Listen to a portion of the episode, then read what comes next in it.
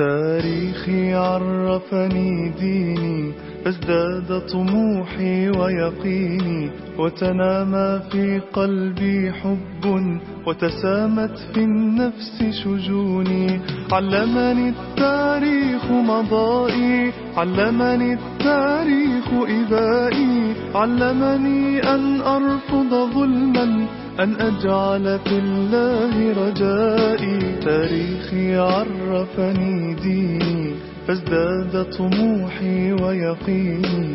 وتنامى في قلبي حب وتسامت في النفس شجوني.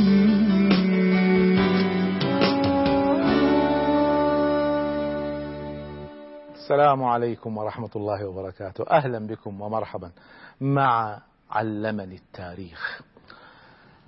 القرآن الكريم فيه دروس وعبر وقوانين للحضارات نهضتها وسقوطها وصراعها مع بعضها. وتلك الأيام نداولها بين الناس. إن الله لا يغير ما بقوم حتى يغيروا ما بأنفسهم وغيرها من القوانين. وكذلك في القرآن الكريم إشارة إلى أن هناك قوانين موجودة في التاريخ. قل سيروا في الأرض فانظروا كيف كان عاقبة المكذبين. هذا بلاغ للناس وهدى وموعظة للمتقين. دروس موجودة في التاريخ يطلب منا القرآن أن نتأمل فيها وندرس أحوال السابقين. لماذا؟ لأن قوانين الحضارات والأمم صعودا وانحطاطا. كما انطبقت عليهم ستنطبق على كل من يأخذ بعناصر النصر فينهض أو يستسلم لعوائق النصر فيهزم. في هذه الدروس أستعرض معكم التاريخ أستل منه الدروس أحاول أن ألخص القوانين سألخصها لكم بقوانين رئيسية قواعد رئيسية للنصر ست أسباب رئيسية حاولوا أن تستخرجوها معي وست عوائق رئيسية للنصر أيضا حاولوا أن تستخرجوها معي. حدثتكم عن قصة سقوط الأندلس عن وضع المسلمين المقاومين في الأندلس بعد سقوط الأندلس. حدثتكم عن استعداد التتار لغزو بغداد وتركيزهم على هدف واضح وهو إسقاط الخلافه فاعدوا كل شيء والذي يستعد ماديا إذا وجه بشخص أو بجهة لم ينغرس الإيمان في نفسها ولم تأخذ بأسباب النصر والجهاد في سبيل الله ولم تقضي على عواقب النصر سينتصر الكافر على المسلم إذا لم يفعل المسلم ذلك.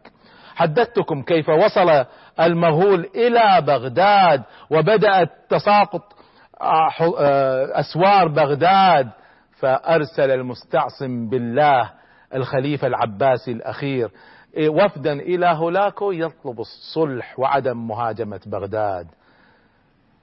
نتيجة هذا التفاوض وما حدث بعده من أحداث خطيرة بعد الفاصل إن شاء الله.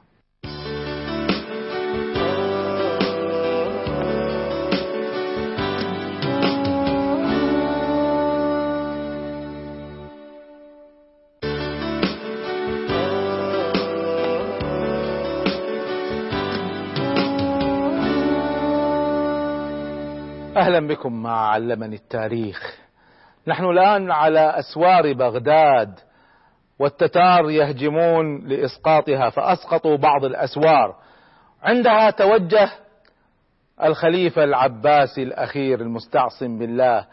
أرسل وفدا إلى هولاكو يطلب الصلح وعدم مهاجمة بغداد لكن هولاكو رفض هذا العرض متعللا بأن الوقت قد فات وأصر على مواصلة الغزو. في أثناء الحصار رمى هولاكو المدينة بوابل من السهام مربوط بها منشورات حرب إعلامية تقول كل من ليس يقاتل فهو آمن على نفسه وحريمه وأمواله. فبدأ القضاة والعلماء والشيوخ والسادات والتجار كلكم حديث موجه لهم كل من لم يحاربنا ويشجع الناس على عدم حربنا فله الأمان منا. طبعا القصد من وراء هذه المنشورات إرهاب الناس ترويع الناس تحطيم المعنويات. إذا حرب مادية وأيضا حرب معنوية. في يوم الاثنين 28 محرم 656 هجرية تسلق جنود المغول السور من باب العجم ونجحوا في القضاء على المقاومة التي كانت على أعلى السور. في مساء اليوم نفسه تمت سيطرة المغول على الأسواق الأسوار الشرقية لمدينة بغداد بالكامل. طبعا حاول عدد كبير من رجال الحامية الهرب لكنهم وقعوا في قبضة المغول فلم يترك المغول أسيرا. الكل قتلوه.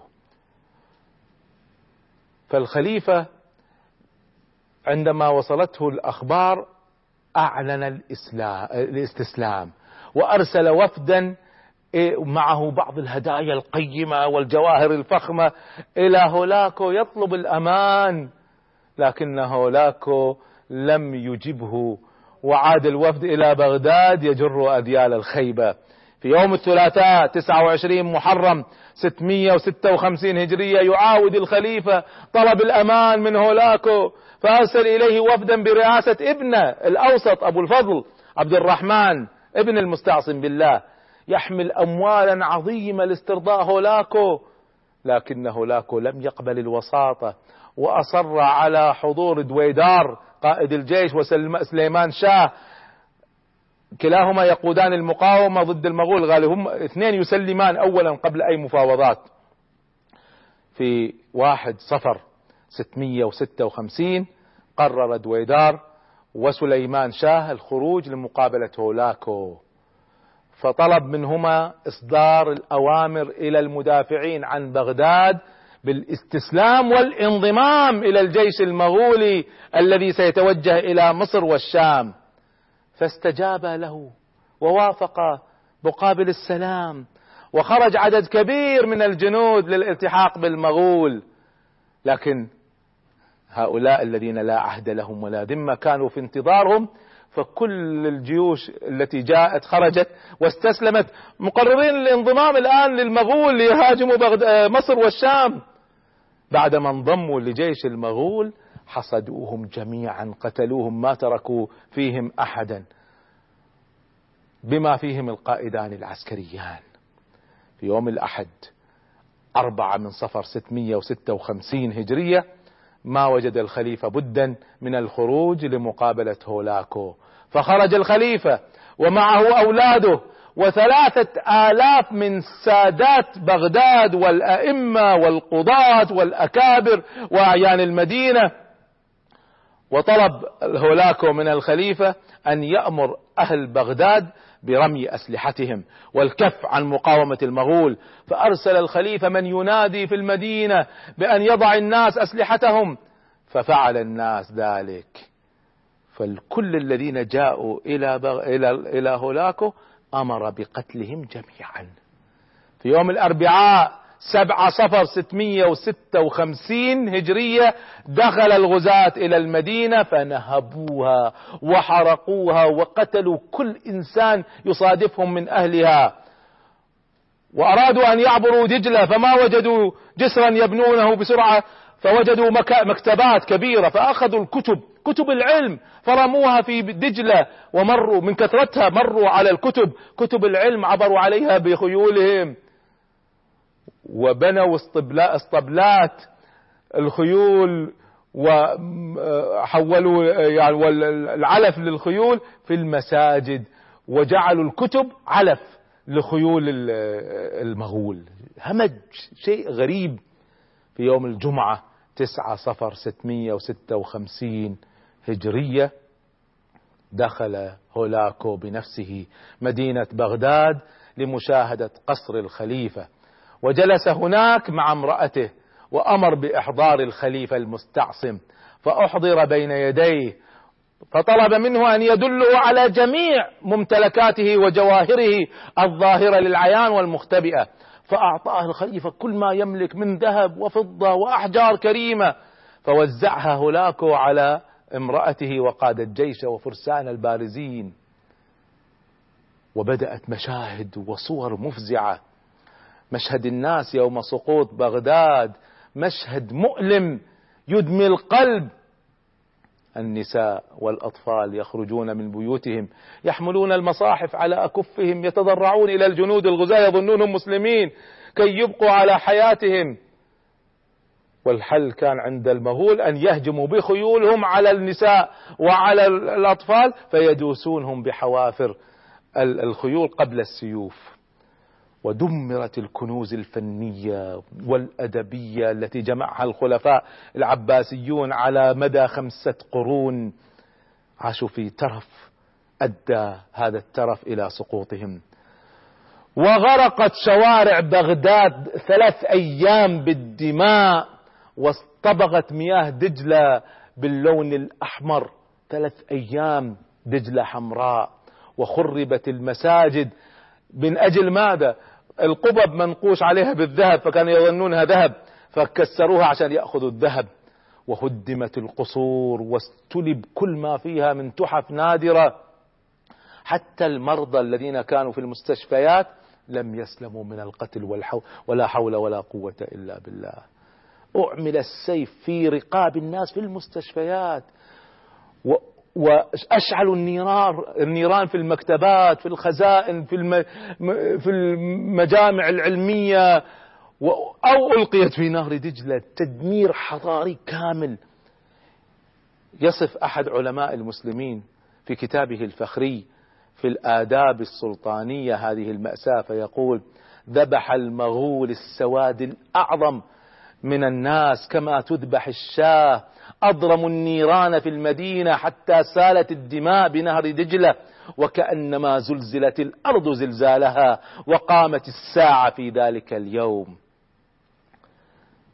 في يوم الرابع عشر من صفر 656 هجرية يأمر هولاكو بقتل الخليفة المستعصم بالله مع أولاده وأعمامه وأقاربه وكل الأعيان الذين في بغداد.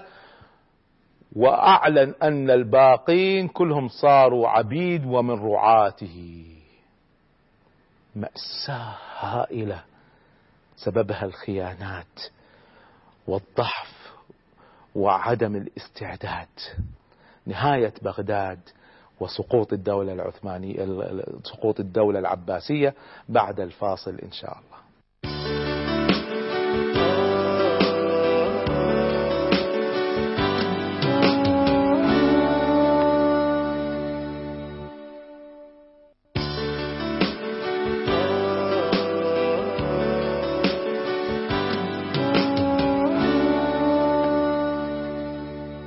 أهلا بكم مع علمني التاريخ.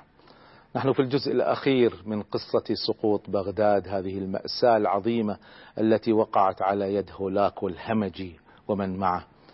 قتل الخليفة غير مأسوف عليه.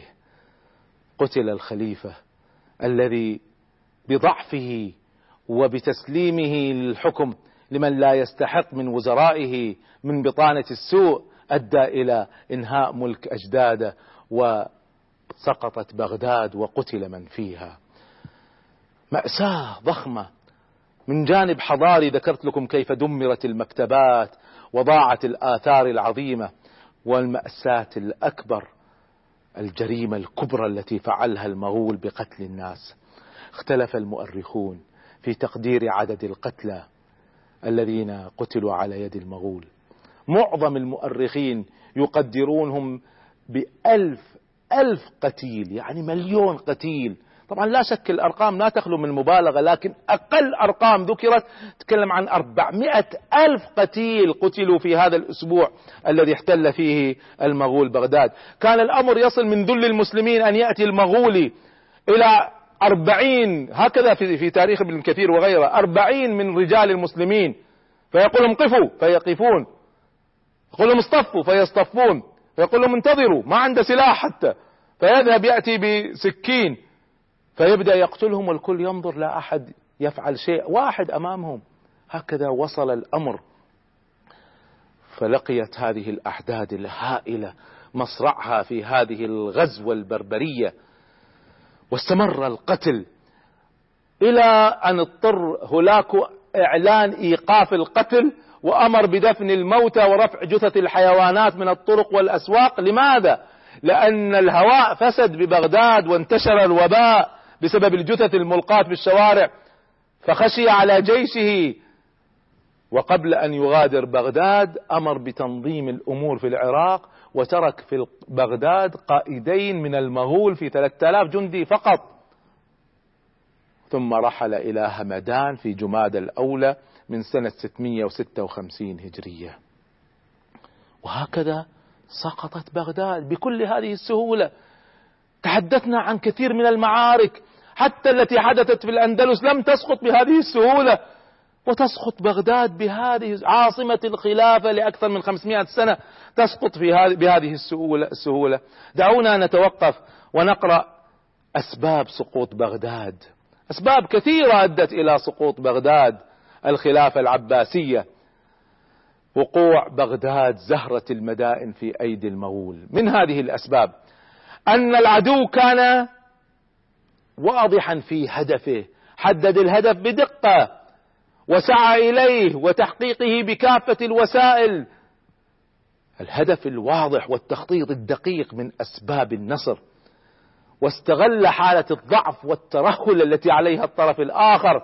فكان هدف هولاكو هو القضاء على الخلافة العباسية في بغداد ونهب ثروتها ومد النفوذ المغولي إلى هذه المناطق وانطلاق, وانطلاق منها إلى السيطرة على العالم كله. هدف واضح وتخطيط خمس سنوات.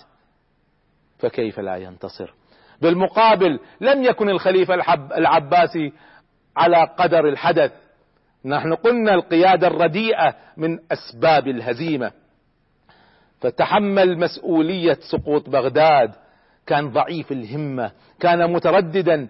سهل الانقياد يميل إلى الملذات والفجور والترف. وقلنا أن هذه كلها من أسباب الهزيمة. لم يكن مدركا لعواقب الأمور. يصفه ابن أيبك الدوادري في كتابه كنز الدرر يقول كان فيه هوج عن الخليفة يتكلم المستعصم بالله. نحن ما نصفه هم يصفونه أهل زمانه. كان فيه هوج وطيش وظلم. وإذا جاء الظلم انتفى النصر. من أسباب الهزيمة نفي العدل وانتفاء الظلم وبقاء الظلم. يقول وكان فيه بله وضعف وانقياد إلى أصحاب السخف.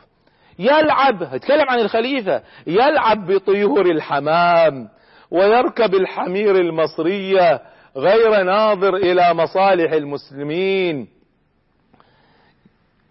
يقولون اشتهر عنه أنه كتب إلى بدر الدين لؤلؤ صاحب الموصل يطلب منه في هذا في أثناء الهجوم المغولي قبل يعني قبل هجوم المغول على بغداد بفترة بسيطة.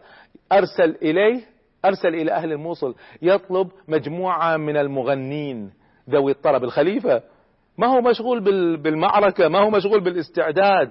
في هذه الفترة كان رسول السلطان هولاكو يطلب المنجنيق من من الموصل. يقول بدر الدين صاحب الموصل يقول انظروا إلى المطلوبين. وابكوا على الإسلام وأهله. هذا يطلب مغنين وهذا يطلب سلاح.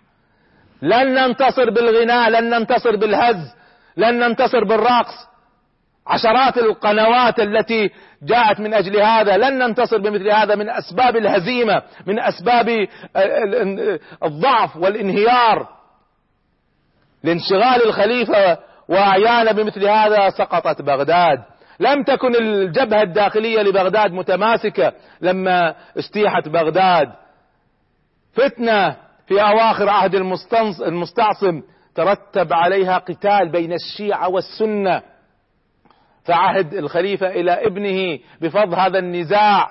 فماذا فعل؟ بدل ما يفض النزاع أغار على ديار بكر مقر الشيعة في الكرخ وارتكب فيهم الفظائع فقتل الرجال وسبى النساء وسفك الدماء واتك الأعراض هكذا تعامل السنة مع الشيعة وبالمقابل تعامل الشيعة مع السنة. هذه الفرقة الداخلية هي أيضا من أسباب الهزيمة. هكذا سقطت بغداد. لم تسقط إلا بسببنا نحن. نعم الهجوم الخارجي له سبب لكن لو كنا من داخلنا أقوياء متمسكين بمنهج الله مؤمنين أتقياء إن تنصروا الله ينصركم. لو كنا كذلك لأخذنا بأسباب النصر ولو أخذنا معها بالتخطيط والأسباب المادية ما سقطت بغداد في المرة الأولى ولم تسقط بغداد في المرة الثانية بالظلم والدكتاتورية وضعفنا وفرقتنا. عندما نضعف ونفترق يتسلط علينا أعداؤنا. لنعد إلى الله عز وجل ولنستعد ونأخذ بأسباب القوة وعندها ستعود لنا العزة من جديد.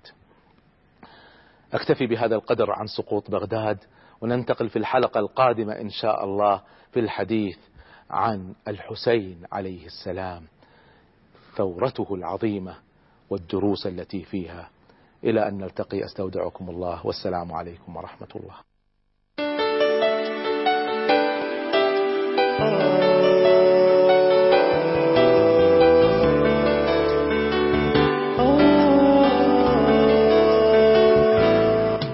تاريخي عرفني ديني فازداد طموحي ويقيني. وتنامى في قلبي حب وتسامت في النفس شجوني. علمني التاريخ مضائي علمني التاريخ إبائي. علمني أن أرفض ظلما أن أجعل في الله رجائي. تاريخي عرفني ديني. فازداد طموحي ويقيني وتنامى في قلبي حب وتسامت في النفس شجوني.